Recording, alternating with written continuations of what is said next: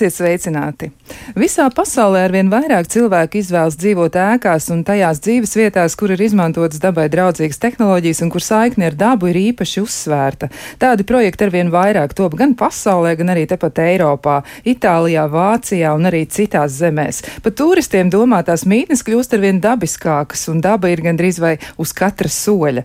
Mēs šodien mēģināsim eh, runāt par to, kā mūsdienu realitāte un pārmaiņas pasaulē ietekmē cilvēku attieksmi pret dzīves telpu un tās paplašināšanu, kā arī to, kādas tendences ir vērojamas dārzos pilsētvidē un arī kā mainās privātu māju apbūves teritorijas. Un, eh, lai mēs varētu to sīk un smalki izpētīt, esam aicinājuši arī dažu projektu autorus un arī dažus speciālistus, un proti tie būs Renāti Lāksdiņa, sporta pils dārza idejas autora un kurators. Sveicināti! Sveiki! Un vēl esam aicinājuši sarunā piedalīties Ansi Birznieku, dārzu mākslas uzņēmumu galantus dibinātāju un īpašnieku. Un uzreiz piebildīšu arī, ka viņš ir certificēts ainavu tehniķis. Ja viņš vada šos darbus, viņš arī projektē, veido un aprūpē dārzus, un, un arī nemazus, kā mēs jau noskaidrojām mazliet iepriekš pirms eh, mūsu sarunas ēterā. Sveicināti. Jā, labrīt, labrīt. Lūk, un uh, mazliet vēlāk arī mums vēl pievienosies kāds viesis, bet par to šobrīd uh, mēs tik daudz nerunāsim. Tad, kad būs tas brīdis pienācis, tad arī jūs uzzināsiet, ar ko un par ko mēs runāsim. Bet sāksim ar to, tad, nu, kā dzima ideja par urbānajiem dārziem, jo tas ir kas tāds, kas arī būtu iekļāvts šajā sarunā, un tiešām mēs ar to varētu sākt. Tad kā radās ideja? No kurienes tas nāk un nu, kā jūs līdz tam nonācāt? Es joprojām nezinu. Bet uh, man liekas, ka, ja mēs runājam par dabu un vēlmi pēc dabas, tad tieši pēc uh, ilgām, pēc sava dārza, vai varbūt nu, tas sakrit ar Covid pandēmijas sākumu. Man liekas, ka mēs visi bijām ierobežoti savos dzīvokļos, un ne visiem mums ir mājas. Rīgas centrā nu, tā platība maziņa, un tad vienkārši šī vēlme nu, rast veidu, kā dzīvot nedaudz savādāk, tuvāk dabai, uzelpot svaigā gaisā un veselīgāk un arī vienkārši rušināties un kaut kā sajust mieru. Tā kā, pirmkārt, tā bija mm, tā kā, ideja, ka es pati gribu savu dārzu. Tad es vienkārši sapratu, ka šīs uh, tradicionālās dārzkopības iespējas, kas ir iespējams Rīgā, braukt uz Lucausalu vai Juglu vai vēl kaut kur uz attālākiem gabaliem, nu, tas nav uh, īsti priekš manis, jo es neizbraukāšu, es ātri atmetīšu ar roku, un es arī nebūšu tāds, kas tur riktīgi ravē un iet ar lāpstu rakt un tam līdzīgi. Un, kā, ņemot vērā to starptautisko pieredzi par šo dārzkopību gastēs un to, ka man pāri iela ir šī sporta pilsēta teritorija, tad man liekas, tas visas vēlmes salikās kopā. Un tas pēdējais ir arī tas, ka tas bija tāds sociāls joprojām ir sociāls projekts, bet tā ideja bija par to, ka radīt telpu, kur cilvēkiem būtu kopā Covid laikā droši, jo viņi ir pietiekami liela, lai mēs tur atrastos vienlaicīgi un justos droši ar to, ka mēs neinficēsimies, pie, piemēram, ar Covid. Jā, es arī skatījos vienu video materiālu, kur viena no dārza, mazā dārza īpašniecēm, jeb nu, cilvēks, kurš apsaimnieko dažas kastes, jā, viņa arī teica, ka viņas iemesls, kāpēc viņa ir izvēlējusies piedalīties un iesaistīties šajā projektā, ir tieši tas, ka viņa jutās nu, tāda nu, varbūt vientuļa vairāk nekā viņa vēlētos. Ja, tā ir dāma jau tādos brieduma gados, un viņa izlēma, ka viņa noteikti gribētu piedalīties. Kāda ir atsaucība, ko cilvēki saka un eh, kā viņi šobrīd to uztver? Atsaucība ir ļoti liela. Mums, diemžēl, ir ļoti daudziem jāatsaka. Mums ir gaidītāja rinda, un tagad jau ir skaidrs, ņemot vērā, ka uh, projekts ir uz trīs gadiem, uh, jo tas ir arī nu, par to, lai parādītu, ka teritorija, kas netiek apbūvēta, ir izmantot pagaidu lietošanā. Tad, diemžēl, jau šobrīd mums ir apmēram tik daudz cilvēku, cik ir dārznieki, kas ir kaut kādi 140. Mums ir arī cilvēki, kas gaida rindā. Bet runājot par šiem vientuļiem senioriem, nu, tas bija vēl viens Covid laikā. Mēs redzējām, nu, ka šiem cilvēkiem ir jāpalīdz, jāpalīdz iegādāties pirmās nepieciešamības lietas, uznest un tam līdzīgi. Un mēs redzam, mums nav bijis iespēja sasniegt ļoti lielu šo senioru skaitu, bet tie, kas mums ir, mēs reāli redzam, kā viņam dzīve ir izmainījusies ar to, ka viņam vienkārši ir šis dārziņš, kur iet, un viņi nav, tā teikt, ierobežoti tikai savā dzīvoklī. Tā ir ļoti laba lieta. Varbūt jums ir arī kādi nākotnes plāni, varbūt ir kāds iecers vēl kaut kur pilsētā attīstīt šādu projektu. Es ceru, ka kāds cits attīstīs. nu, tādā ziņā, ka man liekas, ir svarīgi, ka katrs mēs to darām savā vietā, kur mēs dzīvojam. Tāpat tās, kā manas sporta pilsēta teritorija ir netālu no manas mājas pārielai, un tāpēc arī es varu aiziet, laistīt un ravēt, vai vēl kas ir jādara. Tāpat tās, man liekas, ir ļoti daudz šādas teritorijas, kur vienkārši tas ir jādara citiem. Un mēs arī ar lielu prieku dalāmies ar uh, idejām, kā mēs to esam panākuši, lai tādu vairāk parādītos. Bet man liekas, tas ir tiešām jādara katram tajā vietā, kur viņš dzīvo.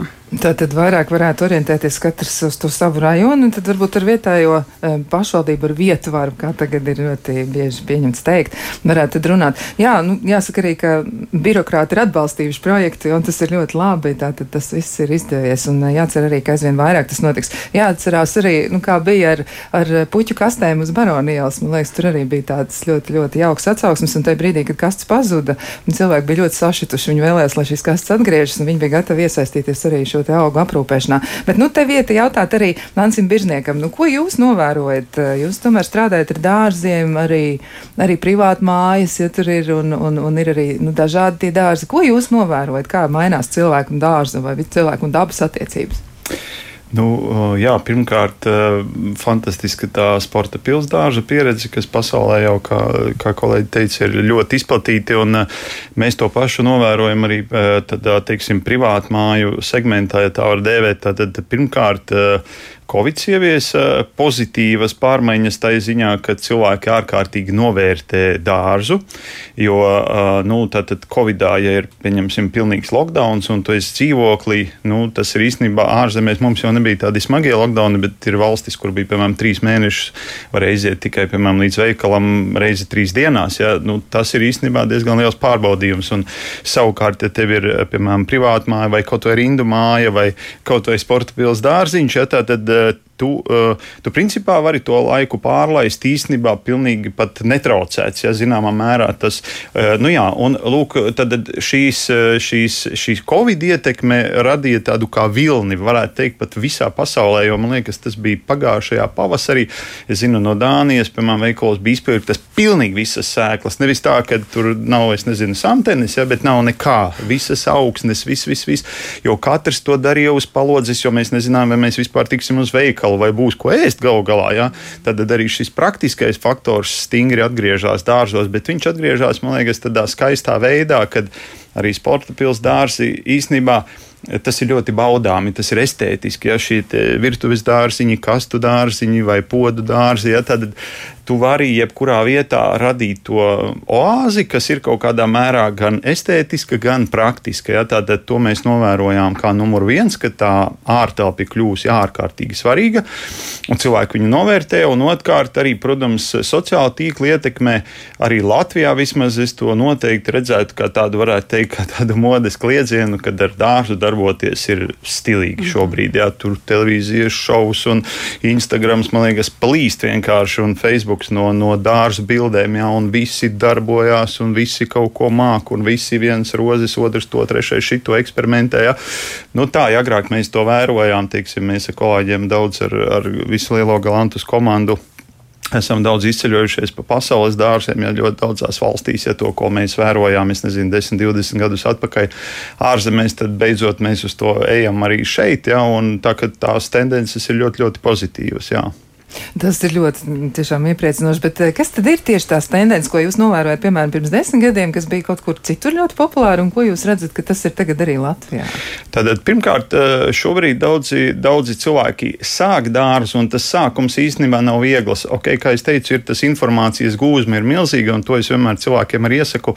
Īstenībā sākumā vākt, vākt, vākt informāciju, likt tās domas galvā, idejas, jo eh, nu, teiksim, ja es aizbraucu tikai vai aizēju, piemēram, pie kaimiņa, un viņam ir diezgan skaists dārsts, un es izlemju, ka man tas patīk, un es sāku to realizēt, nu, man ir bail un pieredze rāda, ka, ja es aiziešu vēl pie pieciem kaimiņiem, vai aizbraukšu varbūt uz galvaspilsētu, vai nedodies aizbraukšu uz Angliju, ja, tad visdrīzāk es pēc gada sapratīšu, mm, šos stūri es gribētu pārveidot, un varbūt to, un dažreiz cilvēki mokās, kad sanāk, ka viņi pēc gada atkal visu pārveido, un pēc diviem gadiem viņi atkal visu pārveido. No vienas puses tas ir tas skaists skaistums dārzkopībā, no otras puses tas ir, protams, kaut kāds resurss un darbs un, un līdzekļi, un tāpēc būtu labi ļoti rūpīgi padomāt. Ja? Bet no tendenci viedokļa, tātad, kas ir vissvarīgākās tendences, tātad šī te ilgspējība tajā brīdī, kad cilvēks nonāk pie tā, ka viņš jau darbojās tajā dārzā, tur arī vēl tāds ieskrējiena periods ir.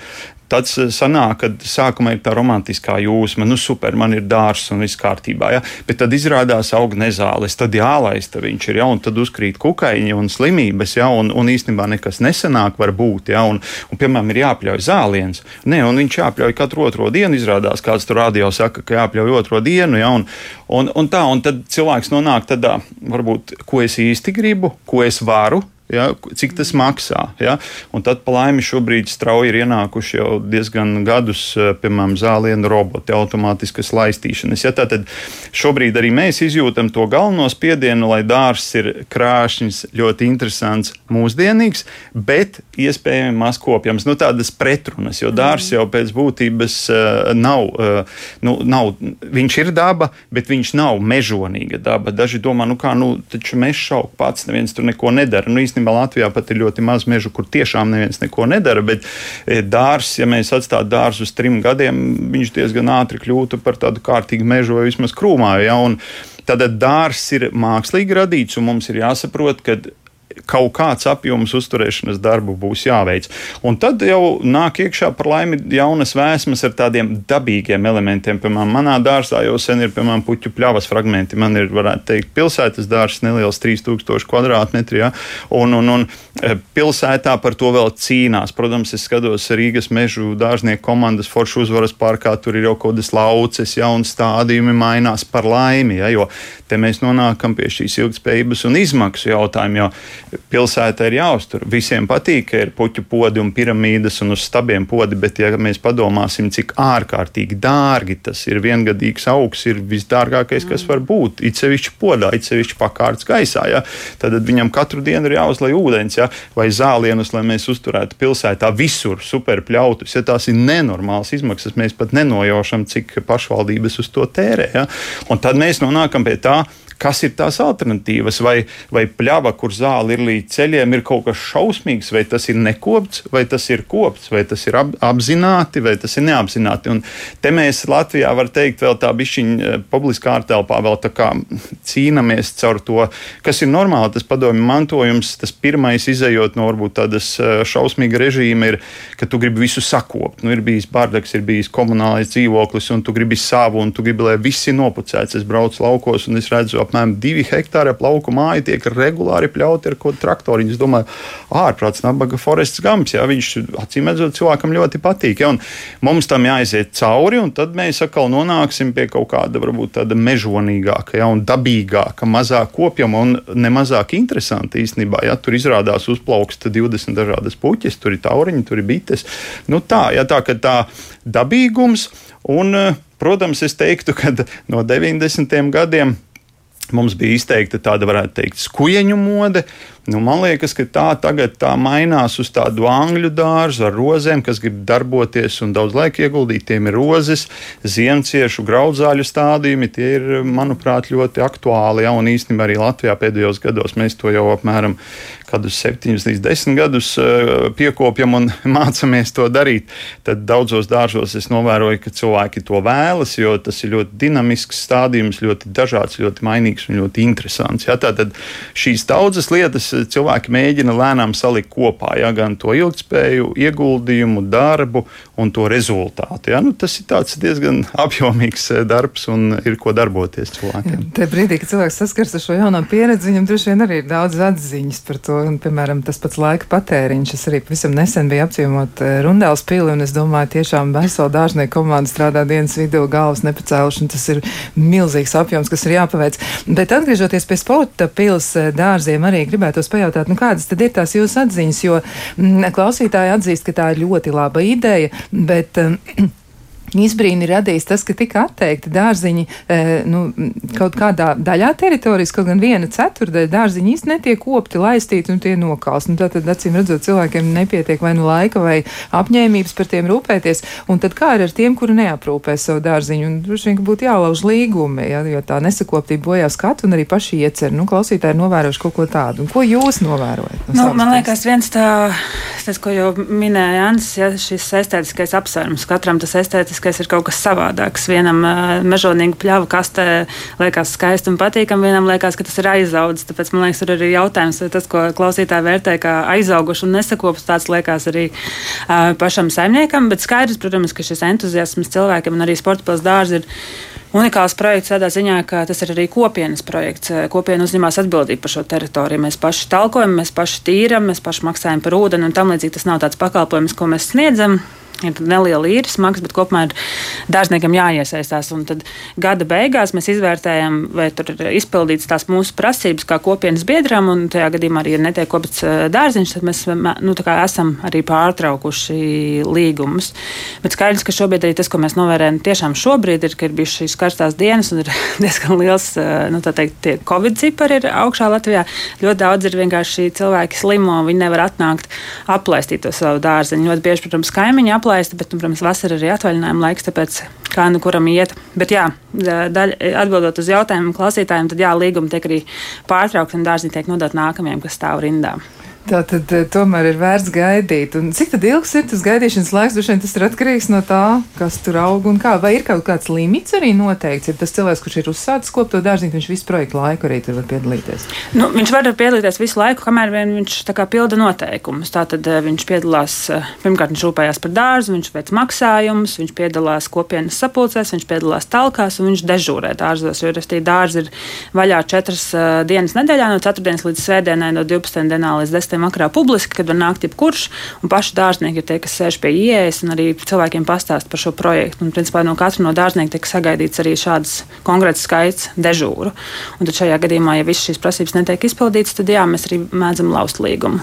Tātad tomēr tāda zināma apņēmība ir vajadzīga, bet eh, nu, tur jau var arī būt tā, ka cilvēks, kurš noslēdz līgumu un kuram ir, nu, pieņemsim, oficiāli tas dārziņš ir tā kā viņa, bet iet vecmāmiņa, tad, kad viņa var, tad viņa aiziet. Nu, tas taču ir atļauts, tā drīkst darīt. Jā, jā, protams. Es domāju, ka mēs arī nu, mēs sakām, mums ir 140 dārzi, bet man liekas, tie kopienas biedri mums ir pāri 200. Jo ir principā viens dārzs, ko kopja pieci draugi vai divas ģimenes. Vai, nu, mēs jau sen nevaram izsekot, uh, kam tas dārzs īsti ir. Bet kamēr viens teikt, šis dārza cipars pilda visas tās mūsu prasības, kas ir pret jebkuru kopienas biedru, tikmēr. Uh, kamēr viss ir kārtībā, jā, protams, jebkurš viņu var rūpēties.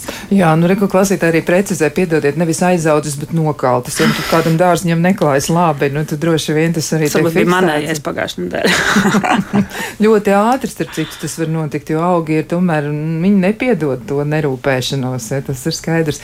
Jā, nu, klausītājiem arī gribas droši vien par šo tematu vairāk parunāt. Viņi saka paldies par lielisko redzījumu tematu, un, eh, nu, mūsu viesis tiek uzrunāts šajā gadījumā, tas ir Ansis. Un, eh, ko jūs viesis ieteikt stādīt, ja ļoti neliels zaļais stūrīts, bet ļoti gribas, lai būtu košs un būtu ziedošs. Un eh, jūs teicāt arī ja, par to viengadīgo augu. Nu tā ir, viengadīgi augi ir ļoti prasīgi. Pirms jāiestāda, jākop, jāravē, jālaist un viss kaut kas jādara. Nu tiešām dārgi un, un, un grūti tas nāk. Bet kas no daudzgadīgām puķēm būtu visieteicamākais 5 kvadrātmetru laukumā? Nu, tad ko jūs ieteikt? Stādīt? Zināt, es eh, par laimi jau šajā jomā strādāju 25 gadus. Es noteikti šodien neieteikšu konkrētus augus, jo saprotiet, dārzkopība ir īstenībā tā liekas, ka tas ir ļoti vienkārši, jo mūsu omītes visas zināja, kad ko sēt un kad ko stādīt un, kad, un kā gurķus marinēt. Ja.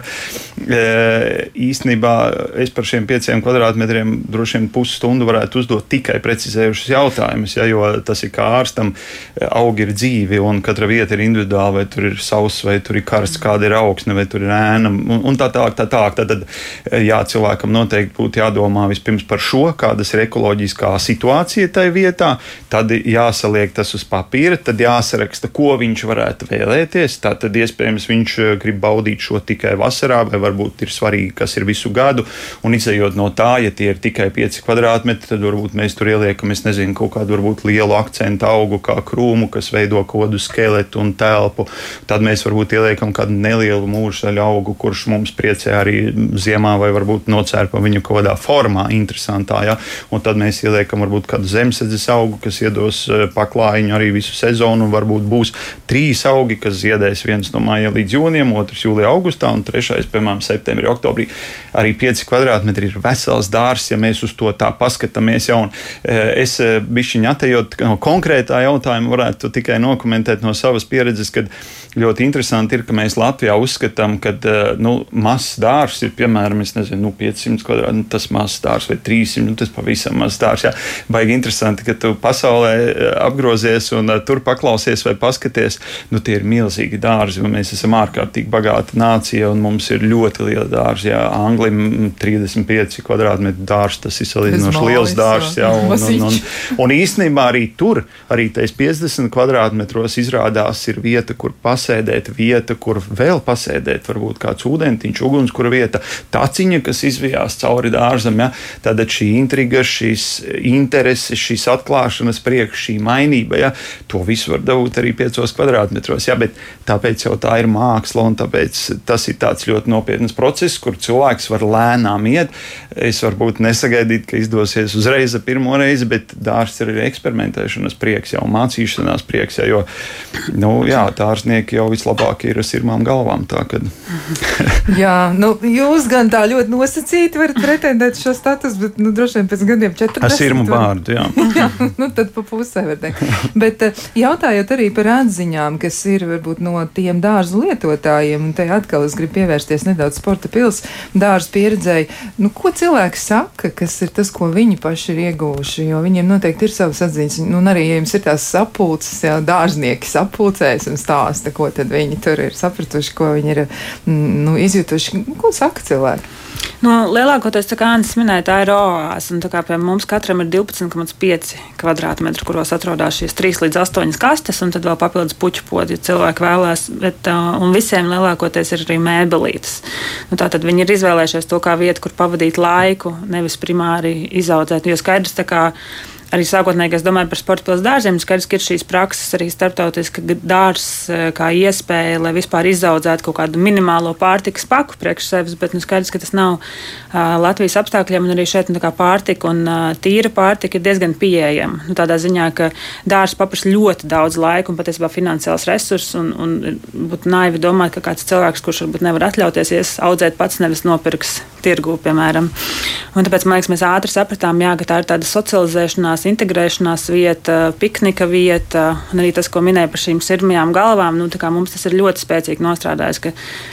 Mēs, jaunie, kur man vēl ir vecāki, bija diezgan dārzkopības pieredze, tā, bet ir tiešām jaunieši, kur nezina, kā sēt, cik vai no kurienes nāk zemene, vai zirnes, vai vēl kaut kas. Un tad blakus ir šie seniori, kuri staigā apkārt pa dārzu visu dienu un dod padomus. Un, un mēs esam priecīgi viņus uzklausīt, ja mēs vienkārši nu, nezinām, ko iesākt. Un, kā, tas man liekas tiešām šis, šī piederības sajūta, ka tev ir tie savi cilvēki, ka tev ir tā sava zaļā oāze, kur uh, apsēsties, kur rušināties pēc darba, kur nedaudz kā, attiekt no šīs rutīnas, kas ir darbs un mājas uh, veikals. Nu, tādā ziņā domāju, ka primāri tas ir tas un tomēr tādi nu jā, estētiski, un emocionāli un mentālās veselības apsvērumi. Skaidrs, ka cilvēki, kas regulāri iet mājās ar vakariņām no dārza, jo tur ir tomāti un gurķi un, un kartupeļi un nedodies vēl arbūzi kādam izaug. Kartupeļi saudzē? Jā, jā, es saku, mums ir no kartupeļiem līdz rozēm. Es nezinu, kas mums neaug. Tā kā, nu, kā, kāds, kurš, kā, kā kuram ir tas mērķis un cik daudz kurš var atvēlēt, protams, laiku un arī tiešām kādu nolūku viņš ir izvēlējies dārzu, jo atkal ir citas, ir ģimenes ar bērniem, kas tieši grib parādīt, ko tas nozīmē būt daļai no kopienas, ko nozīmē fizisks darbs un parādīt, kā aug uh, oga un ka nevienmēr to ogu beigās var dabūt, jo varbūt atnāk arī vārna vai skudra vai vēl kaut kas. Nu, kas ir, un arī tas ir bijis tāds ļoti daudziem mums pilsētniekiem ir jāpieņem, ka šīs vārnas un skudras tur bija pirms mums, un mēs arī ļoti uzstājam par šo zaļo dzīvošanu un tādu bioloģisku saimniekošanu, nu, tad mēs tā pieņemam, ka šī desmitā daļa mums ir jāatdod eh, dzīvniekiem, kas tur dzīvo un skraida apkārt. Un tad mēs paņemam pārējie, nevis mēs cīnāmies un viņus hindējam, bet restīvi, jā, tā ir ekosistēma, no kuras mēs esam daļa, nevis par kuru mēs valdam. Nu, tur varētu būt viesi, ne tikai vānas, tur jau varētu būt. Mums arī ir cauna. Mums ir ezis, mums ir kaķis, un pēdējais arī ir žurkas. Bet mēs ceram, ka viņi savstarpēji atrasinās visas tās uh, attiecības. Jā. jā, bet um, arī domājot par to turpinājumu, kā būs, kā būs, ko jūs uh, saskatāt, kāda būs nākotne, jo iespējams, ka tur būs kaut kādi citi plāni vēl īstenojami tajā apbūves teritorijā, varbūt pilsēta nu, gribēs kaut ko tur uzcelt. Nu, nu, Patās teritorija, tātad mums bija sākotnēji, mēs lietojam teritoriju bez maksas. Mums ir līgums uz trīs gadiem ar Igaunu uzņēmumu, kurš nesen šo teritoriju pārdeva citam Igaunu uzņēmumam. Tā kā viņam ir jauns, jauns īpašnieks. Mēs to vienmēr zinājām. Un, kā es saku, tas ir brīvprātīgs entuziasma projekts, un tie trīs gadi bija arī tas, ko Mēs vienmēr teicām, ka tie būs trīs gadi, tas ir tas, cik es un mana kolēģi Ilza Rukšāna esam apņēmušies, cik mēs varam veltīt šo laiku ārpus darba šim projektam. Um, skaidrs, ka ir iespēja, ka šis projekts, ka, ka viņš var transformēties, viņš var pārvākties kaut kur citur, netālu. Viņam vajadzētu būt kaut kur netālu, bet šeit mēs ļoti kā, gribam lai kopiena iesaistās šī jautājuma risināšanā un lai viņi pārņem šo projektu un pārtais tā kā viņi gribētu. Jo, nu, kā, Dārsts ir viens, bet es saku, tas kopienas aspekts un mācīšanās strādāt kopā un pašiniciatīva ir vēl viens būtisks aspekts. Un, ja pirmajā gadā tā kā vairāk dominēja komanda, tad otrajā gadā jau vairāk dominēja dārznieki, kuras sadalīja dažādās komandās un par visu rūpējās. Nu, tad trešajā gadā, un ja būs vēl gadi, mēs gribētu, lai tas vispār pāriet dārzniekiem. Un, mēs varam ar Ilzi sēdēt tikai dārzā un skatīties apkārt. Nu, tā. Es vēl, es vēl tikai gribēju piebilst, manuprāt, šis projekts ir vienkārši fantastisks. Es kaut kad nesen redzēju fotogrāfijas no gaisa. Ja, tas, nu, tas, un es īstenībā arī esmu nodzīvojis 15 gadus pāri ielai, un šobrīd man meita vecākā tur dzīvo tieši pāri ielai. Un, Nu, tas ir fenomenāli. Tas uh, žoks, ja, kur tu ikdienā tā kā ej, apkārt ir mūri, vienā pusē metāla žoks, un tagad tu paskaties no augšas vai iekšā.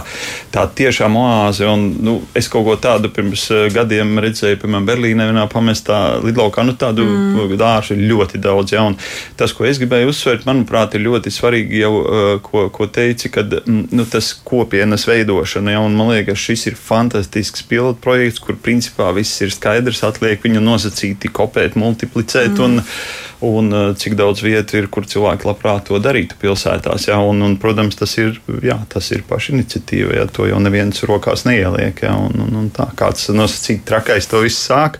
Un forši, ka cilvēkiem būs pieredze, ar ko dalīties. Man liekas, tas ārkārtīgi vērtīgi. Tas, tas jau, kad ir iziets tas cikls, jā, ļoti skaidrs tas viss ir. Nu jā, tāpēc man liekas, ļoti atkarīgs no, pirmkārt, mēs varam veltīt laiku tik, cik mēs varam. Mēs daudz uzticamies dārzniekiem, tāpēc varbūt ir kāds dārzs ir aizaudzis, kāds dārznieks ir entuziasts, kāds tu vari principā dārzā novērot arī, kā tā sabiedrība nu, tā strādā un kā demokrātija strādā. Principā, tā tas tāds interesants. Eh, mēs laikam sakam, ka dārzs ir kā platforma, nu, jo, kā Ants minēja arī pirms tam, tad dārzs ir kļūst arī stilīgs. Eh, tad jauniešiem viņš interesē visiem latviešiem un pat visās Austrum Eiropas valstīs. Tā ir jau tāda sena hobija tradīcija, kas ir bijis liekas, arī viens no mūsu veiksmes atslēgām. Jo jebkurš, pie kā mēs esam gājuši, saprot, kas ir dārzs. Un dienas teiksim, eh, tikšanās beigās vienmēr kāds man ir rādījis savus tomātus vai savus puķus. Tas dārsts satuvina, un tāpēc cilvēks saprot, par ko mēs runājam, kādas sajūtas mēs vēlamies radīt. Un tā kā, Anna arī teica, mums tam šis estētiskais apsvērums un arī strādājot, piemēram, darba laikā ar Rīgas pilsētu, var redzēt, ka cilvēkiem vajag ļoti maz. Nu, viņiem vienkārši vajag skaistu, zaļu vidi, kurā viņi jūtās gaidīti. Man liekas, ka, ka ir vērts pie tā strādāt. Man liekas, es arī. Uh, man kolēģe, dārzniece, kas ikdienā kopjas skaistus dārzus, uh, viņa nesen bija ielikusi Instagramā. Viņa ar turpat dzīvo. Un cik gadus dzīvo, viņa saka, pirmo reizi es aizgāju, izrādās, tur ir kafejnīca atvērta. Viņa, viņa saka, tas ir vienkārši fenomenāli, ka Rīgas vidū ir kaut kas tāds, kur tu esi bijis citā kosmosā. Nu, pilnīgi, jā, tas ir ārpus, ārpus tās, jā, bet tas ir turpat, jā, visapkārt ir mūri, un tas ir mm. Fantastiski, man liekas, tā, tā ideja un tas viss ir izdevies, man liekas, par 100, 180%. Par 180%, droši vien visiem 200, varbūt pat vairāk. Mm. Jā, bet eh, mēs vēl par daudzām lietām šodien varēsim izrunāties, un to mēs darīsim pēc īsa brīža. Kā labāk dzīvot? Turpinām sarunu par dārziem. Ne tikai par urbāniem dārziem, bet par dārziem arī visur, kur citur, par dārziem pie privātu mājām un arī par pārmaiņām pilsētvidē un iespējams arī par pārmaiņām cilvēku prātos. Un eh, arī atgādināšu, kādi viesi ir pie mums studijā. Tā ir Renāte Lazdiņa, sporta pilsētas dārza idejas autore un kuratore. Un vēl pie mums ir arī Ansis Bīrznieks, dārza mākslas uzņēmuma Galantus dibinātājs un īpašnieks. Un šobrīd esam sazvanījušies arī ar Inu Ligeri, kur ir Svetbanka nekustamo īpašumu un celtniecības uzņēmuma apkalpošanas nodaļas eksperts. Sveicināti! Labdien!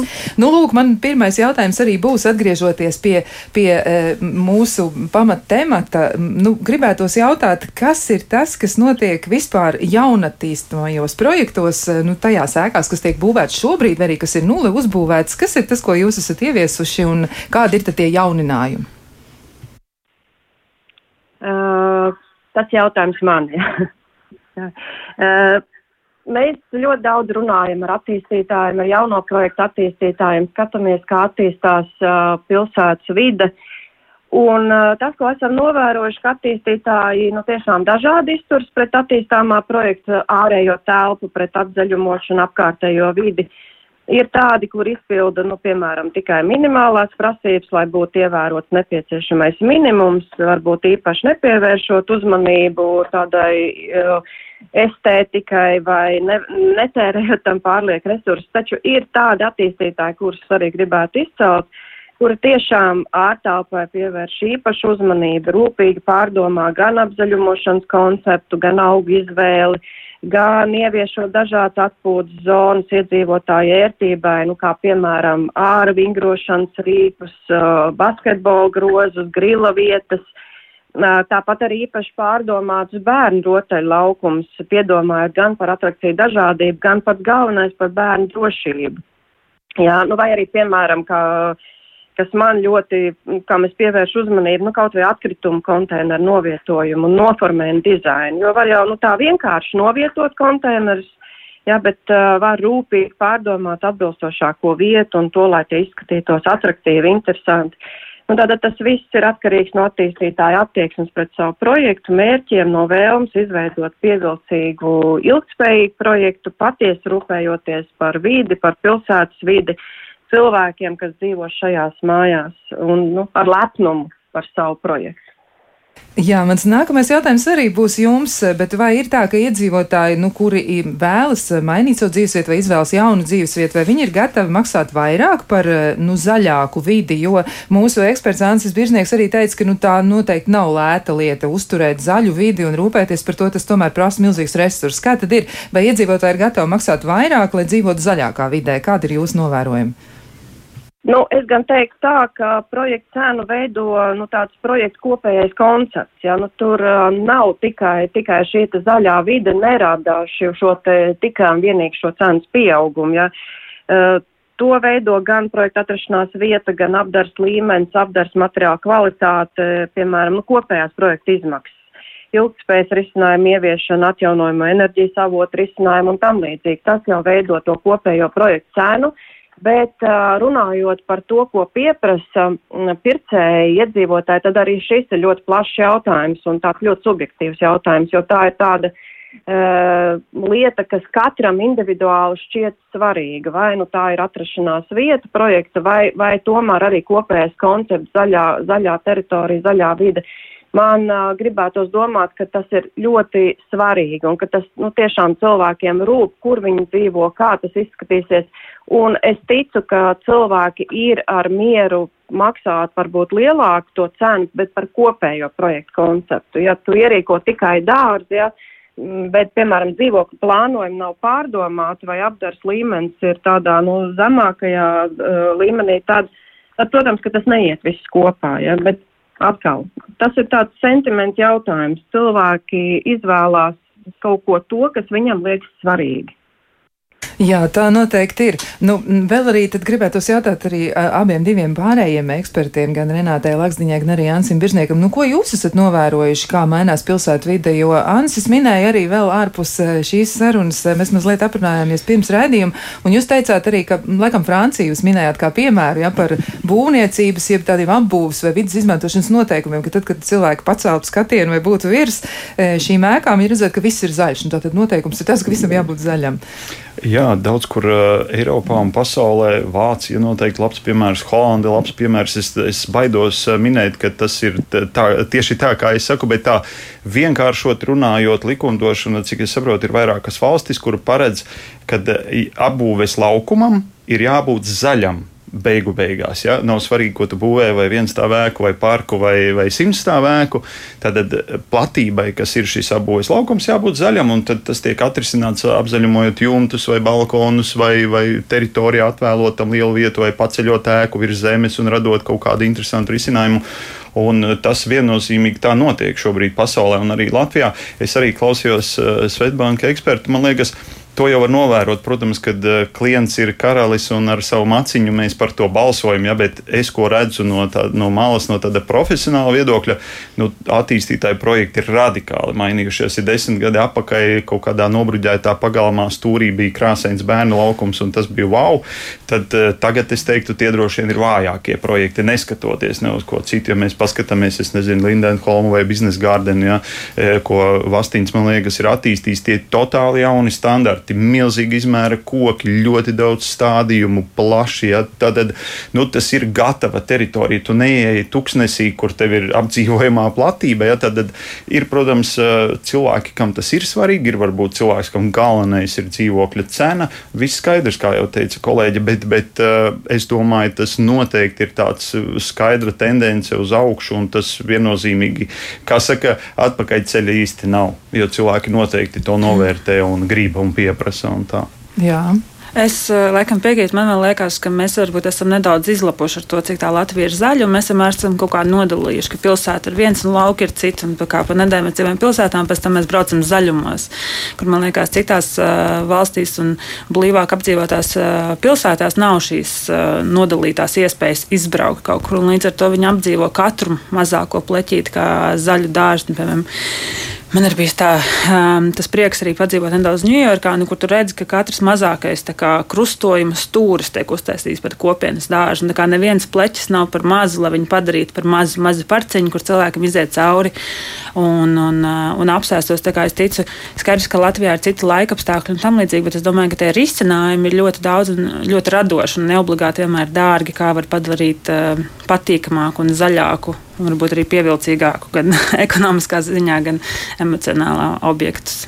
Jā, jā. Es vēl tikai gribēju piebilst, ka tas ir arī ekoloģiski ļoti, ļoti svarīgi. Ja? Gan koki, gan zaļums vispār, ja, jo tur ir zinātniski pētījumi, un tas viss ir sen pamatots, ka, piemēram, gaisa temperatūra pilsētā, putekļu daudzuma piesārņojuma līmenis ir precīzā korelācijā ar apstādījumu platībām, un e, pat kriminogēnā situācija un pat mentālā veselība. Ja? Tā, tās ir lietas, ko noteikti cilvēki pat varbūt e, kaut kādā zemapziņā izjūt, un tāpēc tiecamies mēs pie dabas atpakaļ. Un, kā Renāte teica, mēs jau esam izlapuši, nu mēs esam dabā. Ja? Un, protams, mēs bieži vien sakam, Rīga ir zaļākā. Nu, īstenībā ir ļoti daudz vēl zaļākas pilsētas, vēl varbūt sliktākās situācijās, tā ka mums nav iemesla gulēt uz lauriem. Mums ir ļoti daudz jāizdara, ja, jo koku stāvoklis pilsētā ir diezgan bēdīgs, ja, un laimi tur kaut kas tiek darīts. Bet nav tā, ka wow, viss ir izdarīts un mēs tikai nodzīvojam to, kas bija. Īstenībā mums ir uh, inovatīvi jāiet uz priekšu, jo, kā mēs runājām, arī cilvēki un sabiedrība nevienmēr ir gatavi uzreiz pieņemt jaunas idejas. Tātad ir šis pilotu projektu laiks, ir skaidrošanas laiks, kas, manuprāt, ir salīdzinoši nu, maz tiek darīts. Ja, kad mēs skaidrojam, mēs rādām, ja mēs darām kaut kādus piemērus. Ja Baronija labs piemērs, tur bija gan pozitīvas reakcijas, gan ļoti negatīvas reakcijas. Ja.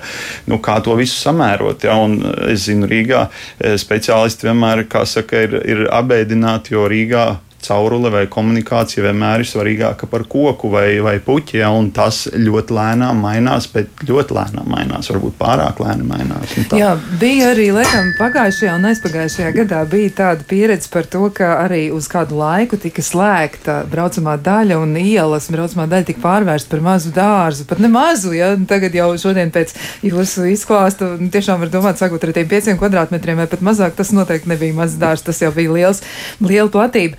Mm, jā, un tas ļoti maina pilsētu vidu un attieksmi. Un pasaulē arī laikam tomēr ir nu, aizvien populārāk tie projekti, kas maina degradētu vidi. Un te vietā ir pajautāt arī.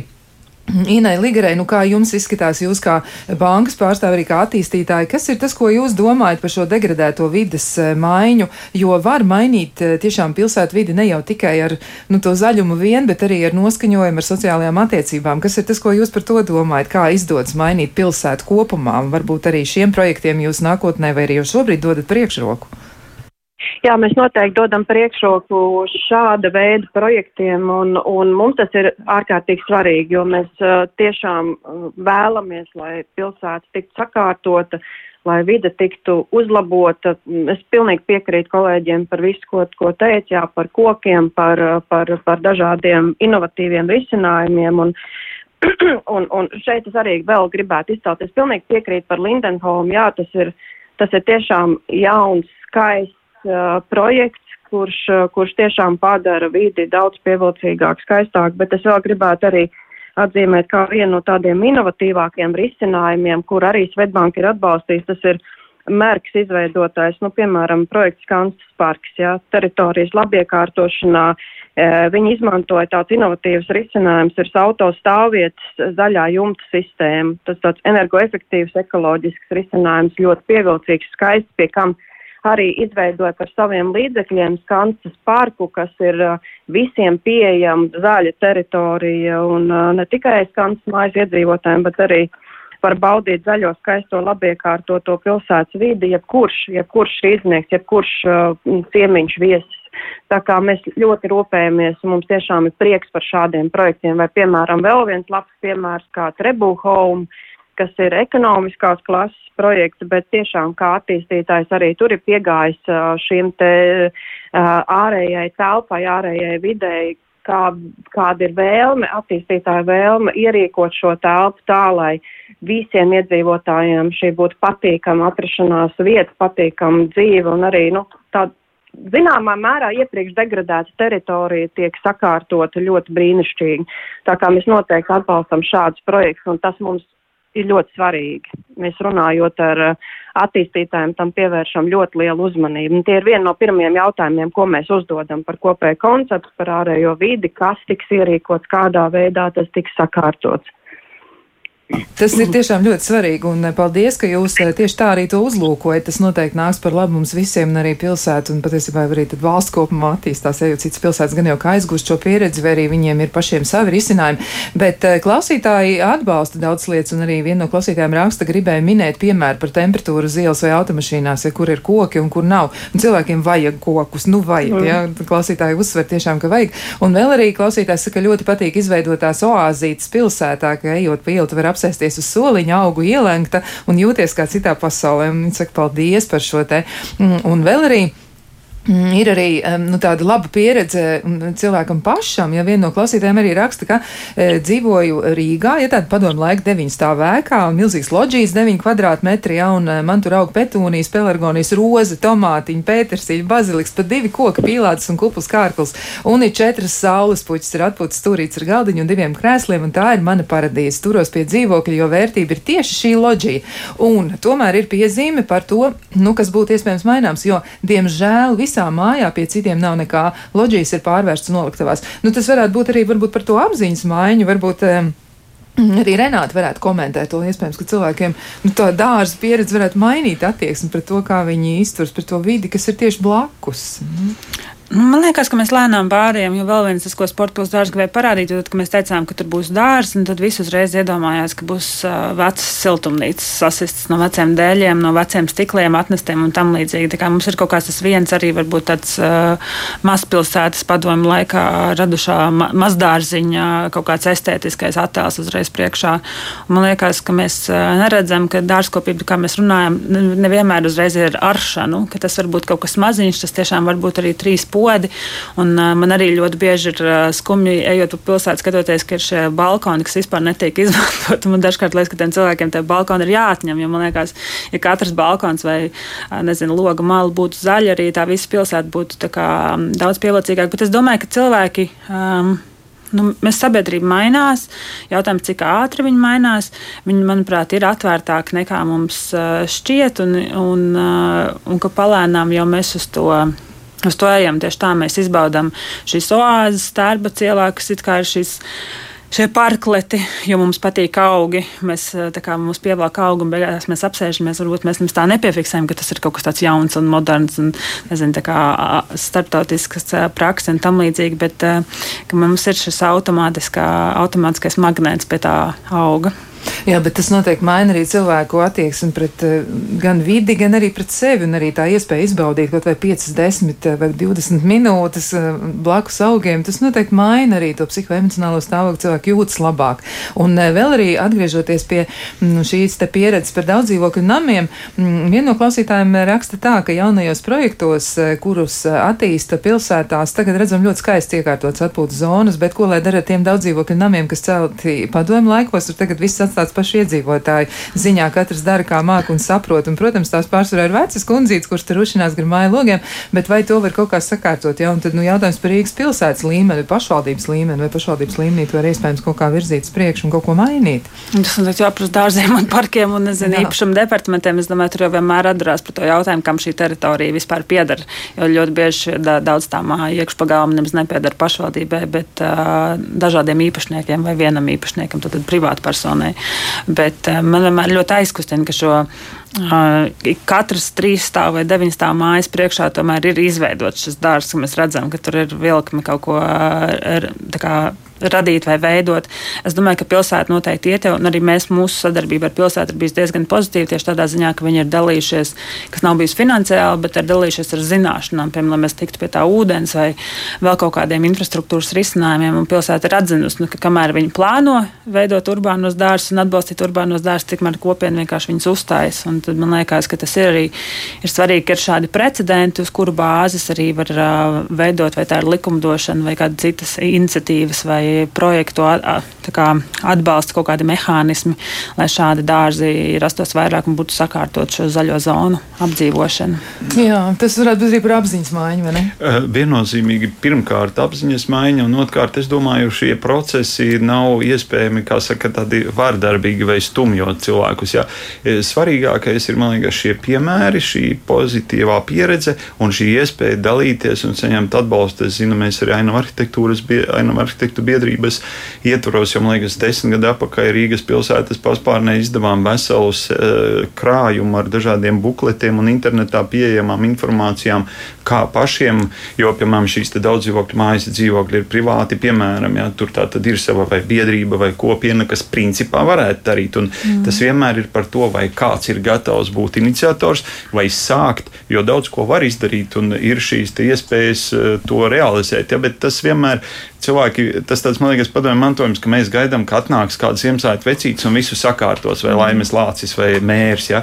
Bet tas nav tik vienkārši. Vislabāk sakārtot pašiem un palūgt, lai viņi palīdz un atbalsta, nevis, nevis tā kā gaidīt. Ja? Un tas Jā. ir, es domāju, tā galvenā domāšanas maiņa, un sporta pilsēta dārzi to vislabāk pierāda, kad tu ej un dari un izdodas. Un lai nāk cilvēki skatās ja? un, un mācās. Jā, nu, diemžēl mūsu saruna ir jau pietuvojusies pašam noslēgumam, un eh, jāsaka daudz jau, jaukas idejas un arī tiešām lielisks pieredzes eh, atstāsts. To noteikti ir jāņem vērā, un es domāju, ka mums visiem dzīve kļūs labāk. Un arī klausītājs skepsi, nu, kas nedaudz izpaužas vienā no komentāriem, ka viss izklausās jauki un skaisti, vēlme padarīt mūsu vidi labiekārtotāku ir laba tieksme, bet mūsu dažādības dēļ daudziem ir uzspļaut uz to visu, un varbūt arī cilvēki negrib iesaistīties, kā gan izmainīt domāšanu. Un otrs arī, ka šobrīd viss zaļais atkal maksā daudz vairāk, un parastais cilvēks ir grūtā situācijā, kad gribētu dzīvot zaļāk, bet šobrīd nevar to atļauties.